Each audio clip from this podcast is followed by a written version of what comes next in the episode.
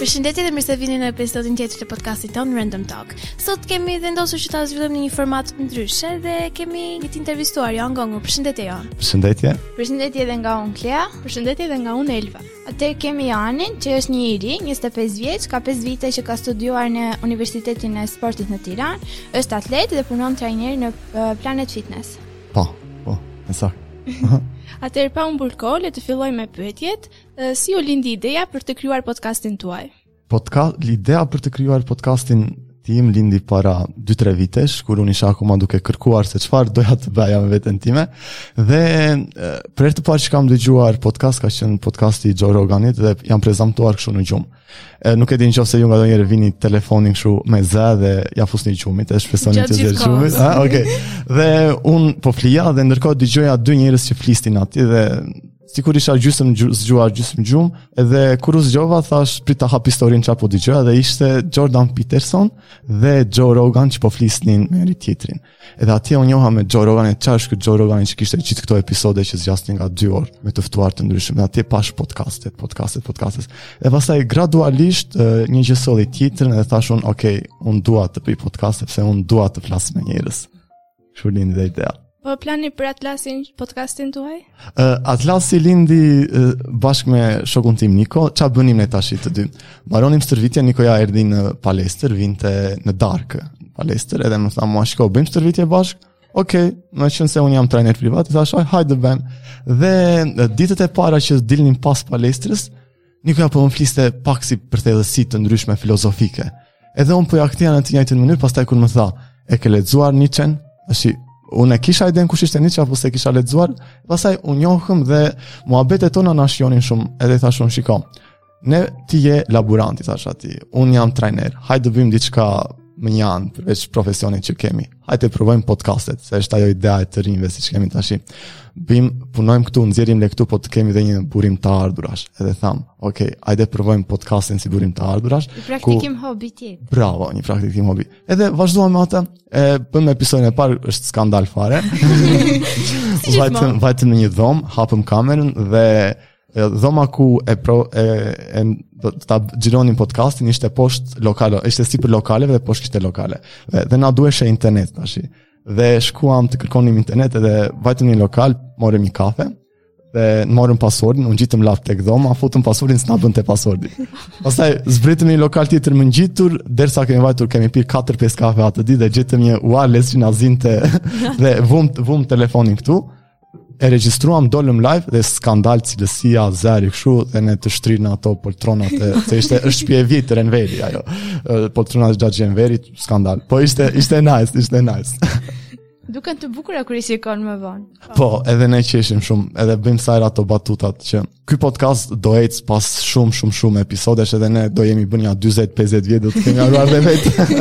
Mund të arrini se s'është tek qejfi që Rjeton po. një person, nuk është suksesi që në episodin e parë. Po, pa dyshim, pa dyshim. Nuk si nostalgji, pas po, i kalojnë vitë. Edhe ai, ai pra të është kurios. Unë thot, dua që, për shambu, kur të jem 20 vjeç, 50 vjeç, të shikoj qëfar mëndi kam pasur 20 vjeç. Edhe të të them vetë, sot ta lavdëroj, o të ta shaj. Po, me, me shumë mundësia është do ta shaj. Po. Atëherë, të gjithë e dimë që podcasti nuk është ndonjë ndër mediat më të populluara në Shqipëri, por si ndjeni juve që jeni nga të parët për së më tepër në kort që keni një podcast tuaj? Unë mendoj që podcasti është një nga një nga mediat e cila do të marrë dhe Ta që do në do thea Rudina Magjistarit, e dina qiptare. Rudina ka marë, më beso. Në Shqipëri, në Shqipëri, janë akoma këto media që të gjojnë, por janë rrugës edhe do t'ja marrin, janë pa dyshim, i sigur për të pjesë. Sepse podcasti ka në thelbë diçka që asë një variacion tjetër televiziv nuk e ka. Okay. Dhe ashtë të kozë gjatë janë. Ti mund të njohë shë njeri për dy orë të tjera, Dhe gjatë këtyre dy orëve, për shembull, nëse është një njeri i një fushe të caktuar, mund të trajtoj një temë shumë të rëndësishme, gjatë që të cilën nuk mund ta trajtoj në një uh, emision si për 5 minuta ta trajtoj një temë që ka shumë argumenta për të shtjelluar. Dhe podcasti e mundëson këtë gjë. Prandaj unë mendoj që është shumë, shumë, shumë mundësi e mirë dhe juve po bëni një punë shumë të mirë që keni marrë iniciativën për podcast. Shikojmë. Në episodet. Okej. Okay. Që ti ke të postuara. Okej. Okay. Cili është më i klikuari dhe më pak i klikuari? Se më se tham që mhm. nuk është tash. Po, çfarë vurare un për episodet që ishte ishte më i klikuar Tini dhe Toni. Tini dhe Toni është një Opa. është ka nga e Varosit, i cili fliste për bravo. Dhe një një ditë Nikoja pasi ne parkuam makinën këtu tek Harçet, se studioja jonë është në Harçet brenda në makinë. Dhe vëm telefonin dhe regjistrojmë atje dhe më tha prit prit do të tregoj një këngë, më tha mua Tini dhe Toni. Dhe ne regjistruam, dëgjuam Tini dhe Tonin dhe shprehëm opinionet për atë uh, këngë. Dhe është episodi më i klikuar për shkak se në thumbnailin e YouTube-it vendosëm fytyrën e Varosit dhe njerëzit ngaqë e njohin Varosin si, si fytyrë e klikonin atë më shumë si dhe ajo ai u bë episodi më i klikuar. Prandaj kaq e rëndësishme është ai thumbnaili që vendoset në fillim të videos. Po, për më tepër që ishte një sensacion i internetit. Ç'do të thotë sensacion i internetit. A, ishte kështu e, e kohës, jo, ishte... Po, po, po, si po, se ajo shpërtheu shumë, po. shpërtheu shumë, sa ah, doli për 3-4 ditë mori miliona. Ishte po. goxha këngë e bukur, në fakt. Përmendëm pjesën e makinës, dhe kemi okay. vërejtur në episodet tuaja shumica e tyre janë të xhiruara, për mos thënë të tëra janë të xhiruara në makinë. Cili është kuptimi pas kësaj makinës së famshme? Ë, uh, makina e famshme vjen për shkak se s'kemi një studio dhe ça bëjmë ne? dhe makina e kujt është makina? ajo është makina e Nikos që rastisi që e mori para disa muajsh dhe e mori fare lirë, nga një shok prapë toni i përbashkët dhe është një makinë e vogël ku është perfekte sepse natën kur e xhirojmë ne ne i xhirojmë episodet s'ka zhurmë,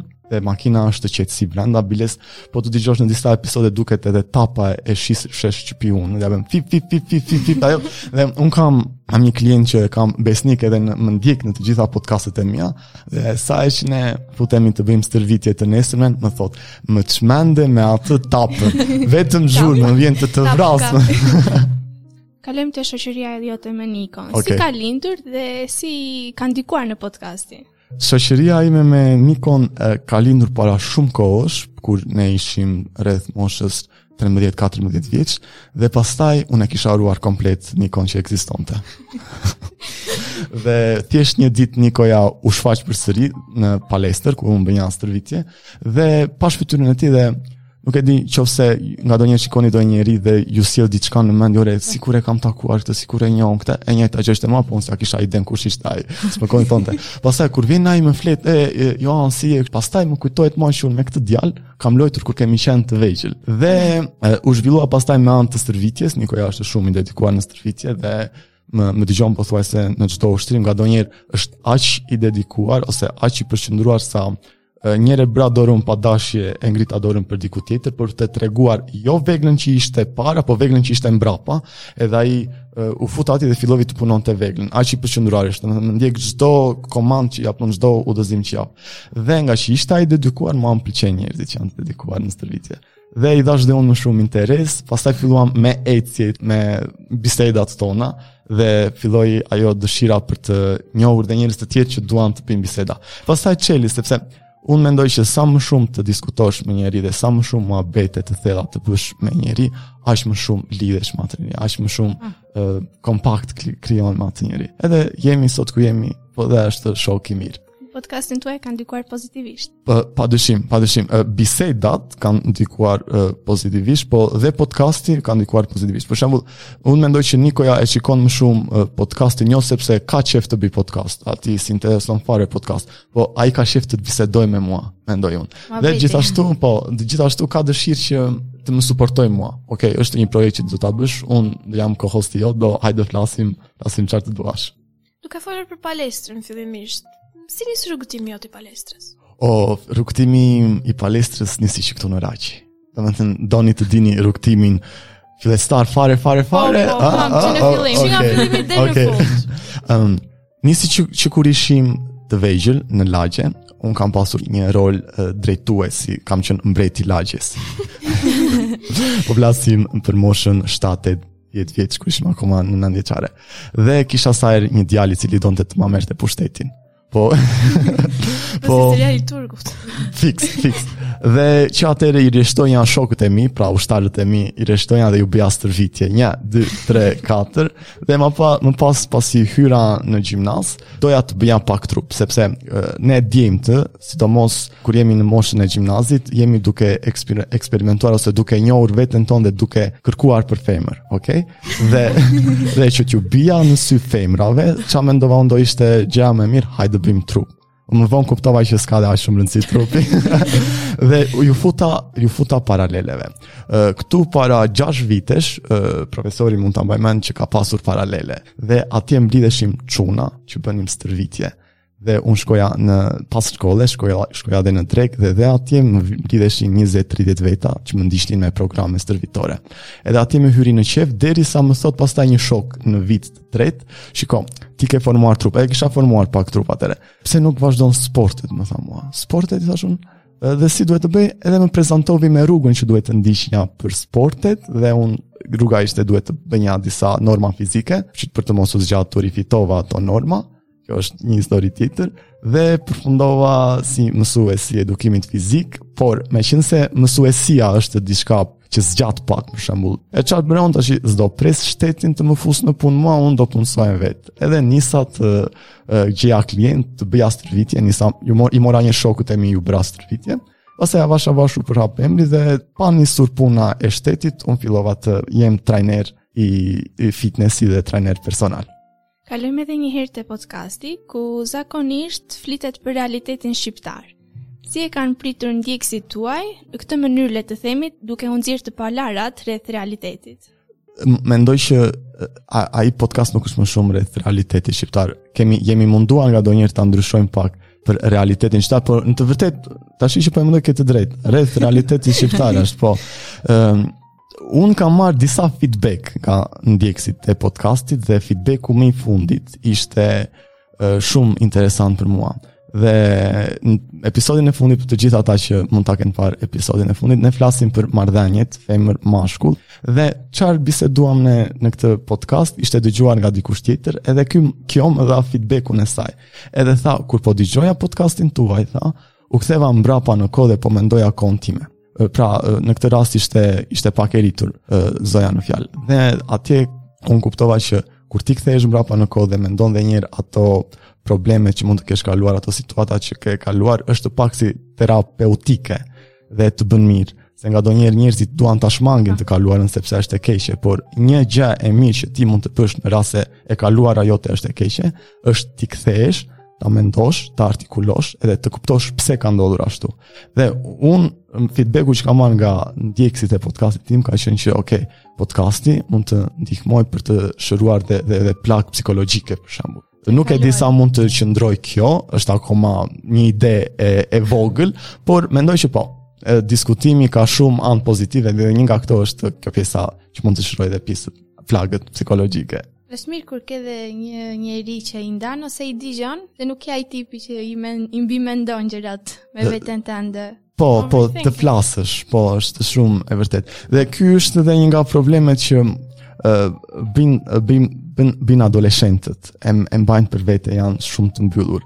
Dhe në qoftë se ti i mban gjërat për vete kur je adoleshent, kur të rritesh pastaj do jesh një i rritur problematik edhe i pa do pothuajse i padobishëm. Por kanë dhe të drejtë sepse është vështirë të gjesh dikë që ka nevojë ose që mund të të dëgjojë. Se sot asnjë është shumë e vështirë të të dëgjojë dikush e të kuptojë. Prandaj ja dhe një anë tjetër e podcastit se është që, që ju kur bëni podcast ju mësoni të flisni dhe të dëgjoni. Dhe në qoftë se ju dini të dëgjoni, njerëzit kanë histori pafund për të treguar dhe çdo histori ka një vlerë të caktuar në ta. Dhe uh, unë kam kuptuar që çdo njeri që ka ka kaluar jetën e tij, uh, historinë e jetës së tij, vetëm ai mund ta tregojë atë histori në mënyrë të veçantë dhe asnjeri tjetër. Edhe kjo është do ne jemi kemi një thesar brenda tjetër veç se thjesht presim dikë që të na dëgjojë dhe ne ia shprehim atë. Po. Po. Cilat kanë qenë disa nga tematikat e preferuara, duke qenë se deri tani folëm për një tematikë që ishte trajtuar në podcastin tuaj, cilat kanë qenë disa nga temat më të preferuara që keni trajtuar në podcast? Përveç Timit dhe Tomit. Se ajo është all time favorite. Temat në përgjithësi të podcastit tonë janë pak a shumë për për si si si siç e thamë për pjesën e realitetit. Dhe ne mundohemi të trajtojmë si është realiteti, si janë njerëzit edhe si bashkëveprojnë këto të dyja me njëra-tjetrën. kur realiteti i mund njerëzit, kur ne arrijmë ta përballojmë atë dhe pak a shumë mund të jetë edhe temat e tona të preferuara janë, janë kur ne mundohemi të kuptojmë pak a shumë si funksionojnë bota ose si funksionojnë gjërat rreth nesh. Dhe çfarë bëjmë me Nikon, ne diskutojmë ai jep opinionin e tij, ne japim, a unë jap opinionin tim dhe ka pasur shumë raste që në fund të podcastit, ne kemi dalë më të fituar nga njëri-tjetri, pra kemi mësuar më shumë rreth gjërave, se këndvështrime të ndryshme të ndihmojnë të kesh një këndvështrim më të plotë në tërësi. Që debate e keni patur? E, po, kemi patur shumë debate. Ti sesh të thoshe në fund kemi përfunduar gjithmonë në zënë kap? kjo, kjo është e bukra, sepse në, ka një ndryshim midis debatit edhe diskutimit. Debati është në qoftë se dikush do të fitojë argumentin, kurse diskutimi është në qoftë se të dy duan të dalin në të vërtetë. Sepse mua as më intereson që ti të mbrosh gënjeshtrën, as unë s'dua që, që unë të mbroj gënjeshtrën. Sepse në fund me gënjeshtra nuk jetohet jeta. Dhe çfarë bëjmë ne në diskutim, ok, unë të them një argument, Dhe kjo është mënyra se si të dëgjojmë më mirë edhe si të aftësojmë skillin, aftësinë e dëgjimit. Në qoftë se ti thua një argument, unë e dëgjoj argumentin tënd dhe më pas mundohem ta formuloj argumentin tënd si e kam kuptuar unë. Dhe pastaj të pyes ty, a të kuptova qartë? Edhe ti thua jo. Edhe ça, edhe okay të them unë, ma thuaj edhe një herë ti mua për ta kuptuar. Vetëm në momentin që unë ti ma jep aprovimin që ti e ke kuptuar sakt, atëherë unë procedoj dhe të lë të flasësh. Pastaj vjen muhabeti tim, argumenti tim dhe unë i flas argumentin dhe ai bën të njëjtën gjë. Dhe është ky shkëmbimi i diskutimeve, i mendimeve dhe mundësia sa më e madhe për ta qartësuar këtë mendim. nuk e mbaj mend fillin ë uh, cil, cili ishte për këtë e humba cili si ishte pyetja në fillim um, për debat janë tematikat jo, të preferuara të cilat keni okay. në podcastin tuaj. Po, po, pikërisht. Dhe më pas ti ishte kjo debat. Bravo. bravo. Bravo. Pra, janë të gjitha temat të cilat ne mundohemi të kuptojmë rreth botën rreth nesh në mënyrë sa më të sinqertë dhe pa gënjeshtra të jetë e mundur. Nuk e di sa sens ka, a? Realitetin. Realitet. Po. Dalim po. prap aty ku ishim. Po. Ë kemi vënë re që në çdo në fillim të çdo episodi është vendosur një muzikë shqiptare. Kush është ajo muzika Napoloni? Ka kjo po. domethënie? Pa dyshim. Kjo është pak pastaj për pjesën e marketingut. Ë unë doja një intro e cila do tërhiqte vëmendjen e, e, e atij që e dëgjonte. Ah. Dhe tashi lind pyetja çfarë muzike mund të vë unë. Dhe mund të vija muzika të ndryshme që janë të njohura sot, por problemi është e drejta e autorit. Në qoftë se edhe në Youtube, Youtube i ta, he, ta, ta prish videon, ta mbyll. Dhe më duhej një këngë që s'kishte të drejta autori. Edhe çfarë mendova unë për himnin e flamurit. Po pse pikërisht për himnin e Flamurit? Sepse ajo është një tingull që e dëgjojnë të tërë dhe e njohin të tërë. Pastaj i mora mendimin mamasë dhe i thashë, po sikur të vë, jo, më tha, ça thua, mama, degjenerovi fare mendimin, e mirë, thashë. dhe pastaj ne po dëgjonim një, një podcast tjetër asaj kohe se ishte muhabeti, ok, ne duam të bëjmë podcast, po si po e bëjnë të tjerët. Dhe ishte një podcast tjetër që ishte shumë komedi dhe ne u ndikuam pak nga kjo, unë u ndikova pak nga kjo dhe vura ok, hajde të vë Napoleonin pa, për pak nota uh, komedie. Dhe Napoleonin e njohim të gjithë. Dhe a, aktualisht kjo funksionoi sepse më tha dikush, isha duke dëgjuar podcastin tënd dhe isha në shtëpi me me këta fa, familjarët. Dhe kur e vura podcastin tënd dhe filloi introja, direkt njëri nga këta familjarë më tha, "O, oh, kush kush po martohet? Ç'është kjo që po dëgjon?" E thashë unë, "Ok, vërtet ka funksionuar sepse tërheq vëmendjen." Po. Gjithashtu fotoja e vendosur tek video, domethënë kopertina e podcastit. Kjo ka pak një mendim ose më saktë ka një filozofi pak të pastër mbrapa, që unë uh, radhën e fundit, të fundjavën e fundit diskutova me një logo designer dhe ai më tha hajde të ta bëj logon përsëri sepse unë e kam bërë me me Canva me programe me InShot me gjëra të, të thjeshta fare edhe kur më pyeti ky unë e kisha harruar komplet pse kisha vënë atë logo pothuajse dhe s'isha i qartë dhe më bën më bëhet qefi që më pyeti sepse unë e rikujtova dhe mund t'jua, po, sjell ju argumentin tjetër prandaj pyeta Si ishte logoja tjetër? E lezetshme. Ah, po, po. a, në logo është atlasi, a? Dhe po ta dish mitologjinë e atlasit, atlasi mban një botë, sepse kështu është dënuar pasi humbi luftën me, me Zeus dhe me Titanët. Dhe çarë simbolizon mbajtja e një bote mbi shpatulla? Tregon, simbolizon përgjegjësitë. Ti ke nevojë të mbash përgjegjësi mbi shpatulla në mënyrë që të bësh mjaft për jetën tënde. për jetën tënde dhe për njerëzit rreth teje. Mm. Sepse një njeri që mban përgjegjësi është më i gatshëm të të mbarojë punën ose të zgjidhë hallet. Okej. Okay? Është i përgjegjshëm, tamam. Saktë. Dhe dhe në qoftë se ti mban një peshë më të madhe se sa që duhet mbi shpatulla, ti do shkatërrohesh. Por në qoftë se mban një peshë më të lehtë se sa duhet mbi shpatulla, s'vlen për asgjë. Kurse Atlasi ka një peshë konstante që mban mbi shpatulla, që është një peshë përgjegjësie konstante që ai mund ta përballojë. Dhe sa më shumë përgjegjësi të mbash, radhës tjetër të do jesh më i aftë për të mbajtur përgjegjësi. Dhe në mes të botës të Atlasit ka një sy, edhe ai ai syri simbolizon vëmendjen. Ë vëmendja është një nga aftësitë ose një nga cilësitë që është shprehur në çdo mitologji. Historia më e lashtë e botës është nga fiset Maja, nëse s'gaboj dhe tregon pse vëmendja është arsyeja ose është cilësia më e mirë që ti mund të kesh. Dhe Në qoftë se doni mund t'jua tregoj dhe historinë po, e fiseve po, Maja. ha? Uh, at, po, dhe besoj se pas kësaj historie do ketë më shumë sens uh, dhe logoja. Tani, ekzistonin uh, dy, dy krijesa, uh, dy entitete të mëdha, uh, njëra ishte kaosi dhe njëra ishte rregulli. Kaosi ishte femër dhe rregulli ishte mashkull. Nuk nuk ka seksizëm këtu. Po po do ta thosh. Jo, s'ka. Dhe ça ndodhi tash këto dy entitete bënë fëmijë, bënë shumë fëmijë dhe këta fëmijët kishin ishin si njerëz. Pra këta ishin gjigantë dhe bënë njerëz të cilët të cilët ishin zotat, zotat perënditë e asaj kohe.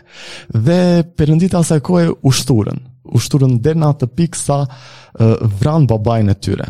vranë rregullin. Babai, pra rregulli dhe kaosi ishin në gjumë dhe kur u vra rregulli, pra iu vra burri kaosit, mamaja u ngrit dhe vendosi që t'i shkatërronte të gjithë fëmijët e saj. Do merrte hak për të shoqin e saj. Dhe që asaj kohe për dekada me radhë perënditë po zhdukeshin njëra pas tjetrës. Dhe imagjinoni sikur çdo perëndi ka atribute të caktuara. Dhe lindi një perëndi e cila kishte dy atribute të veçanta. Kishte sy në të gjithë trupin e tij, dhe kur fliste, fliste zjarr, mund të nxirrte zjarr nga goja. Dragua. Pra, si? Dragua. Ishte njeri, zjarri si simbolizonte pjesën e artikulimit, dhe syri tregonte pjesën e vëmendjes. Dhe në qoftë se ti je i vëmendshëm rreth gjërave që të ndodhin rreth teje, rreth shkollës, rreth familjes, rreth shoqërisë, ti e kupton më mirë çfarë ku në çfarë pozite je. Okej? Dhe mund të shmangësh probleme ose mund të zgjidhësh probleme. Dhe uh, ky perëndia kishte sy dhe zjarr, dhe ishte më i forti që kishte lindur në gjithë gjeneratën e tij. Dhe këta zotat që ishin mbretërit e zotave, vajtën i thanë, uh, shiko, ti je më i forti, do vesh ta vrasësh uh, kaosin, Po ky, sikurse ishte i zgjuar dhe kishte artikulimin, i tha, në qoftë se ti do që unë të vras kaosin, në qoftë se unë ia dal, do më bësh mbret të zotave. Dhe ky vajti dhe mori dy, dy mjete me vete për të vrarë kaosin. Mori një rrjetë edhe një shpatë. Kur vajti u ballafaqua me kaosin, ia hodhi rrjetën e mbuloi e kapi me rrjetë dhe pastaj e ndau copa copa. Edhe këtu ne kuptojmë pak si mund të ballafaqohemi me problemet në përgjithësi. Kur jemi në një hall të madh, për shembull, dhe s'dim si t'ia bëjmë, fillo duke duke e ndarë në copa të vogla dhe fillo të zgjidhësh ato copa të vogla. Për shembull, le ta marrim më banalen kur je duke bërë punët e shtëpisë. Ha? Kur jemi duke si siç ishte intro, ja, fantastike ton. Ha? Dhe uh, s'di nga t'ia nisësh. Çfarë mund të bësh ti? Okej, okay, e ndan për shembull pjesën e pluhurave, pjesën e rrobave, pjesën e tapetit për ta fshirë, e pastaj bën të tëra këto dhe në fund gjithçka rregullohet. Edhe ky e ndau copa copa, e pastaj shkatërroi çdo copë të mundshme.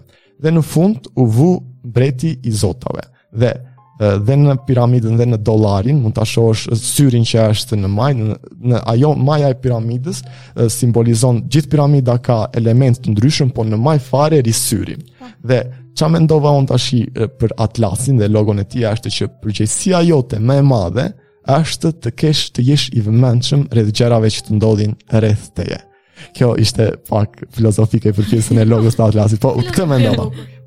Atëherë post-produksioni, videot, episodet që hidhni në Youtube, a kanë editim? Po, jam bërë pak më eficient, po në fillim një episod mund të më merrte 3-4 orë editim. Duket se... sikur s'kanë fare. Po, s'kanë fare. Duken shumë material bruto. Po, e vërtetë. Në fakt, disa episode janë të tilla. disa episode i kam edituar. Për shembull, ka pasur episode ku ne na ka marrë muhabeti dhe kemi zënë në gojë dhe njerëz të tjerë që i kemi sharë njerëzit e tjerë. Dhe tha që unë s'mund të hidhja në Youtube dikë që e shanim, sepse fundja fundit ç'punë ka ai që t'ia prishim ne imazhin, t'i hedhim baltë imazhit të tij. Edhe thjesht ato episode i kam edituar pak, disa të tjerë i kam lënë ashtu siç janë, sepse ishin të qartë. Pjesa më e madhe e editimit është që dua ta dëgjoj një episod, ta di çfarë kemi folur e pastaj të bëj prerje të ndryshme për t'i për t'i promovuar pastaj nëpër rrjete sociale. Dhe është ka qenë pak e vështirë, por sa sa sa vjen duke bërë një gjë bëhet më e lehtë dhe ti përmirësohesh në atë. Dhe ishte nice, Pastaj. ishte nice. Po. Të kalojmë një çik te jeta e përditshme, pamë që je instruktor po. në palestër. Po. Do të thotë, a ke një plan të hapësh palestrën tënde? kam dashur të hap palestrën time, por pasi uh, u futa në palestër, pashë si funksiononin gjërat. Nuk mendoj që është ide e mirë për të pasur një palestër konkretisht. Kështu që kam pasur, por tani s'kam. Pse s'kam tashi, sepse uh, si fillim palestra do një investim fillestar. Edhe kjo kjo është për të gjithë ata të rinjtë që do dëgjojnë këtë dhe duan të hapin palestër, do jetë një informacion i këndshëm për çunat. Dhe e, do një investim fillestar ku një vegël, një pajisje mund të shkojë deri në 2500-3000 euro, në qoftë se është e mirë mund të shkojë edhe pak më shumë. Dhe minimalisht ty të duhen 50.000 euro, 60.000 euro për të hapur një palestër, e cila në fund të muajit, në qoftë se ka një kapacitet me 150 ose 200 klientë dhe me pagesën që bëjnë këta klientë rreth 25-30.000 lek, ti mund të dalësh i fituar, po aq janë, aq, kanë, e ka dhe më shumë, ka palestra që shkojnë edhe nga 35 këtu në Korçë, nga 40. Në Tiranë për shembull mund të shkojë dhe Tiranë nuk llogaritet. Po, është, është akoma më shtrenjtë dhe afërsisht fitimet mund të dalin 3-4 milion në muaj për 60-70 milion që ti mund të hedhësh si fillim. Në po qoftë se... Po s'dihet a do ecë? Po, e vërtet, është edhe kjo që a ecën a s'ecën, ka rrezikun e saj. Është risk biznes. Mund të dështosh. Mund të dështosh. Dhe më e mira e të mirave, mendoj unë është të gjesh palestra aktuale, ose më saktë palestra që nuk duan t'i mbajnë më, ti ta blesh biznesin ashtu siç është, ose të bëhesh bashkëpronar me palestrat aktuale, dhe më pas t'i, t'i, t'i, t'i ndërtosh ato, t'i ristrukturosh. Ta marrësh kalanë nga brenda. Po, e vërtet, ajo është një mënyrë më e mirë mendoj unë, se sa thjesht të investosh. Ose, ose ë uh, mund të bësh uh, qendra fitnessi që s'kanë shumë nevojë për vegla, janë më shumë ushtrime me pjesën e trupit, për shembull me paralele, uh, me me crossfit, me vrapime, me kërcime, me ushtrime të ndryshme dhe ushtrime pak më të lehta. Kemi parë në YouTube që ka video që jeni duke bërë ushtrime, në mën... duke sikur mësoni të tjerët për ato ushtrime. Keni pasur raste kur jeni dëmtuar kur i keni bërë ato video? Kam një histori shumë të bukur për këtë. Ky ka qenë uh, djali i parë që unë po stërvisja, pasi kisha bërë shkollën e sporteve ose gjatë kohës kur po bëja kohën e sporteve. Dhe i kam bërë e kam dëmtuar, i kam bërë një dëm katastrofë. Po s'ishte gjithsesi s'ishte faji im. ne bëmë stërvitje, po bënim kërcime, dhe ky ndërkohë që bënim ne kërcime, ça ndodhi bie këputet e lënë këmbët. Dhe mezi po ecte po çalonte. Asaj kohe ishte darkë dhe isha me biçikletë, e shpura në shpi me biçikletë. Dhe të nesërmen më thotë që kam këputur meniskun, jo kam këputur tendinën e kryqëzuar. dhe ajo shkon afërsisht 3.000-4.000 euro dëm. dhe çuni vajti në spitalin Amerikan dhe e bëri 3.000-4.000 euro dëm dhe unë fajësoja veten që ti e dëmtove. Por e vërteta ishte që djali ka që, kishte qenë në futboll edhe dëmtimin e kishte aktual, por s'më kishte thënë mua. Dhe kjo është një arsye pse ti duhet t'i thuash trajnerit çfarë gjendje fizike ke, çfarë dëmtimesh ke, që trajneri ta di çfarë të punojë me ty. Po i pa eks, pa eksperiencë, hajt bëjmë stërvitje, bëjmë stërvitje dhe ky u dëmtua. Edhe unë atë asaj kohë vajta në spitalin amerikan, i shpura një një Amita. dhe pesë kokrra lek. edhe edhe jo, vetëm Amita, se ishim studenta dhe na duheshin lekët. Dhe e bukura është që më tha, uja, unë si pikë të amit, atë. Po, po se pikë, këllë këtë të të pikë të pagohë. Po, plus që vajta, se nuk ishtë, ju më duket ishte një spital në periferi të Tiranës, vajta me biçikletë dhe rande unë, rade shi, me amita në dorë, në mes të makinave. Ishte amita e freskët, vashim. Po, u bashim e vetë.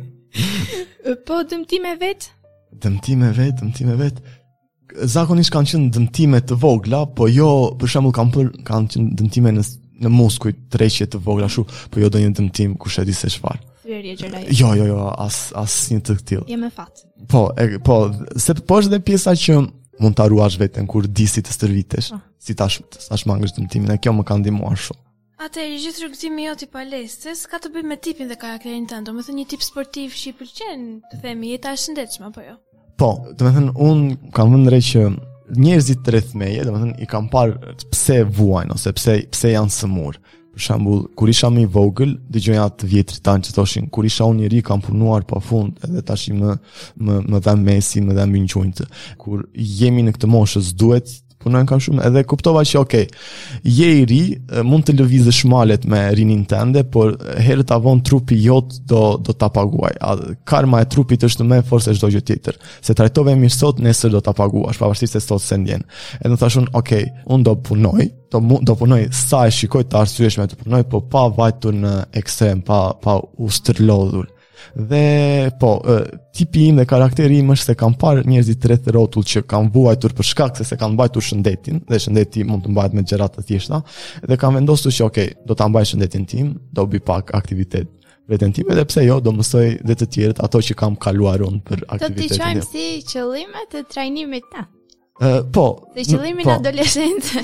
Po, e kuptova. Po, qëllimi po, qëllimi im është që ta mbaj, domethënë të shmang sa më shumë probleme me trupin tim tim, sa më shumë i shëndetshëm. Për nga ana shëndetësore sesa nga ana pamore. Kur isha adoleshent ishte më shumë për anën. Po, e vërtetë, trupi më pëlqente më shumë, të kisha shpatullat, të kisha kofshët. Po pastaj kuptova që, okay, dua të kem më shumë mushkëri, zemrën, stresin e të tëra Po, duket domethënë se një axhendë shumë e ngjeshur. Si arrin të menaxhosh kohën tënde mes podcastit, palestrës, punës, po dhe shefit tani? Meqenëse unë jam privat dhe punoj si të dua me pak fjalë, arrij që të vendos orët në mënyrë që dhe mua të më përshtaten klientët dhe unë t'u përshtatem klientëve. Dhe në qoftë se unë shikoj që dita ime është e ngarkuar, për shembull mund t'i them një klienti shiko se sot jam plot dhe mund ta bëjmë nesër stërvitjen. Dhe pastaj mundohem të mos humb kohë me, me gjëra të kota, për shembull, telefoni mund të marrë shumë kohë, mundohem ta reduktoj punën atje, ose të marr bicikletën, pavarësisht se unë e kam palestrën 10 minuta larg, unë marr biçikletën, që të shkoj shpejt me biçikletë, dhe të kthehem shpejt po në shpi, dhe atë kohë që fitoj me biçikletë, për shembull mund të harxhoj tek pjesa e TikTokut për të kthyer përgjigje njerëzve. Edhe mundohem të gjej ose njerëz ose si Ka shumë punë në TikTok? Uh, po, janë disa, për shembull ngandonjëherë TikToku më merr nga një orë që t'ju përgjigjem komenteve, sepse uh, TikToku ka ecur pak dhe unë i kam premtuar vetes diçka që, okej, okay, uh, sado ndjekësa që ti të marrësh nuk do bëhesh mendjemadh dhe nuk do t'i lësh njerëzit pa përgjigje. Se fundi i fundit ky është misioni i jetës tënde, do ndihmosh njerëzit për pjesën që ti di të ndihmosh, edhe ti do t'i ndihmosh. Dhe ka pak punë sepse ka ecur pak, por mundohem të ta mbaj ngandonjëherë më ikën nga dora, por ndonjë të diel për shembull vetëm rri aty dhe i plotësoj të gjitha përgjigjet.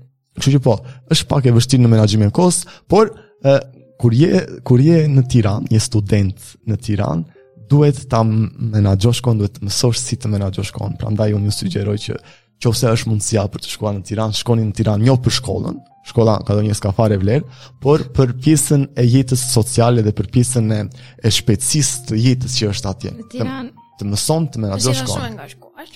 Po, jeta në Tiranë është nga sepse dhe, dhe shkolla është larg me shpinë në disa raste. Uh, është qytet më i madh, kurse në po. Korçë për 10 minuta mund të shkosh kudo. Duket një që nga pamja, trafiku, po, e vërtet. Rutina e njerëzve, e vërtet. e stresuese, po është një sfidë që mendoj që ia vlen që të merret dhe pastaj pasi ju e keni mbaruar atë, jeni komplet ndryshe. Pra për këtë arsye mua Korça s'më duket ngarkesë shumë e madhe sepse jam mësuar me ngarkesën e Tiranës që ishte. Ke sfiduar veten. Mund ta thuash, po. Një po, sfidë më vete e vërtet, në Tiranë. E vërtet, e vërtet. Ju nuk e di keni ndërmend të shkoni në Tiranë për studime ose ju jeni ju jeni vit të parë s'e di sa të qarta jeni në atë që tani. Ne kemi prioritetet për jashtë.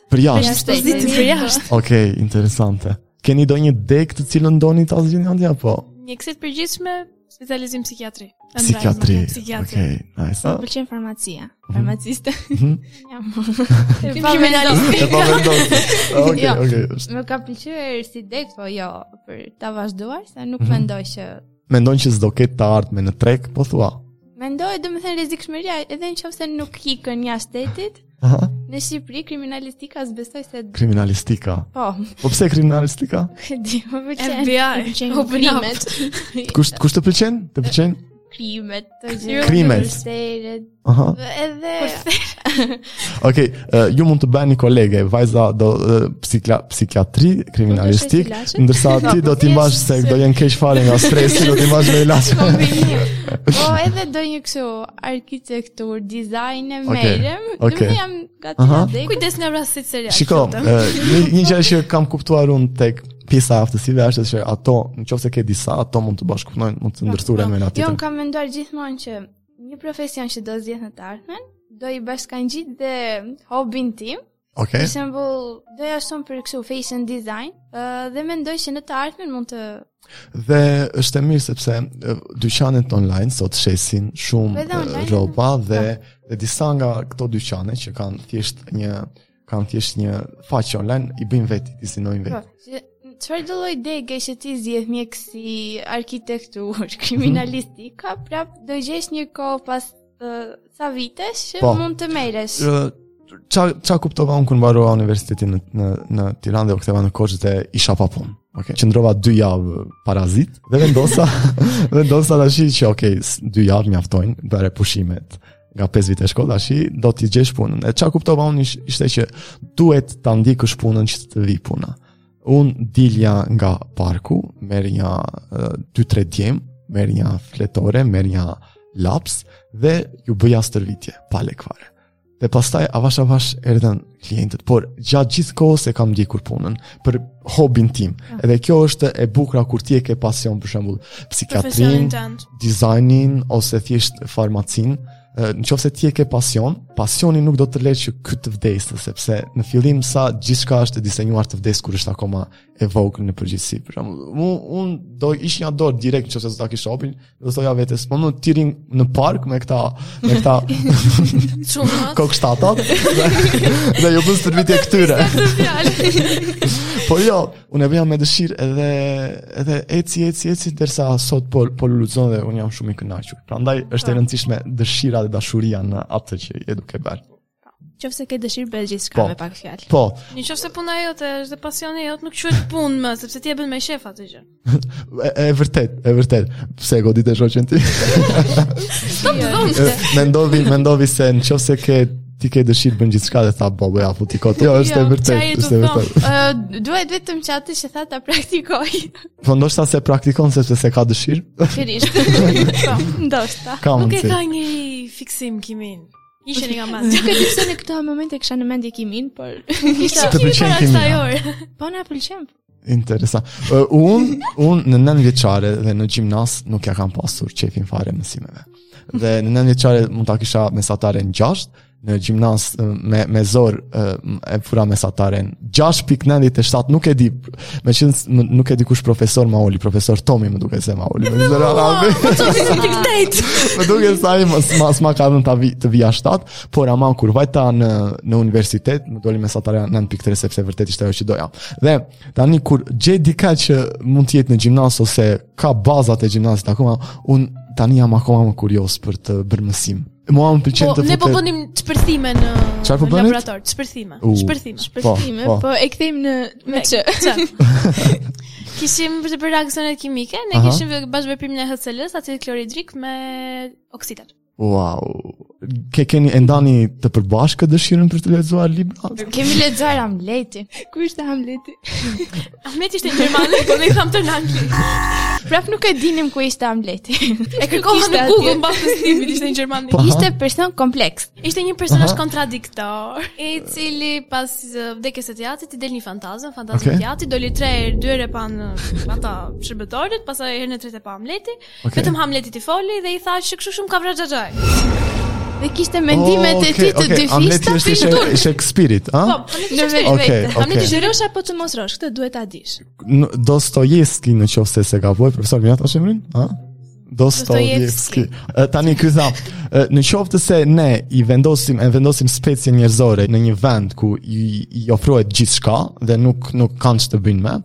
Herët a vonë, njerëzit do shpërthejnë ose do thyejnë diçka thjesht për të parë pak kaos nga ajo. Këtë mund ta shohësh edhe me veten tënde, për shembull kur ti mund të kesh të tëra gjërat në shtëpi dhe rri në shtëpi dhe s'ke çfarë bën edhe ngandonjëherë kot zihesh me motrën ose me vëllain thjesht për pak për për hobi. Dhe prandaj kur është një jetë që mund të jetohet fare lehtë ne nuk gjejmë nuk, nuk gjejmë domethënie nga ajo. Ne domethënien e gjejmë në vështirësitë e, e jetës tonë. Dhe dhe nuk e di ku doja të dilja me këtë. E harrova, e harrova radhën e mendimeve. domethënë harrova çfarë thashë. Atëherë duke vënë re që bisedës tonë i erdhi fundi, do të falënderoj Johanin për prezencën e tij këtu.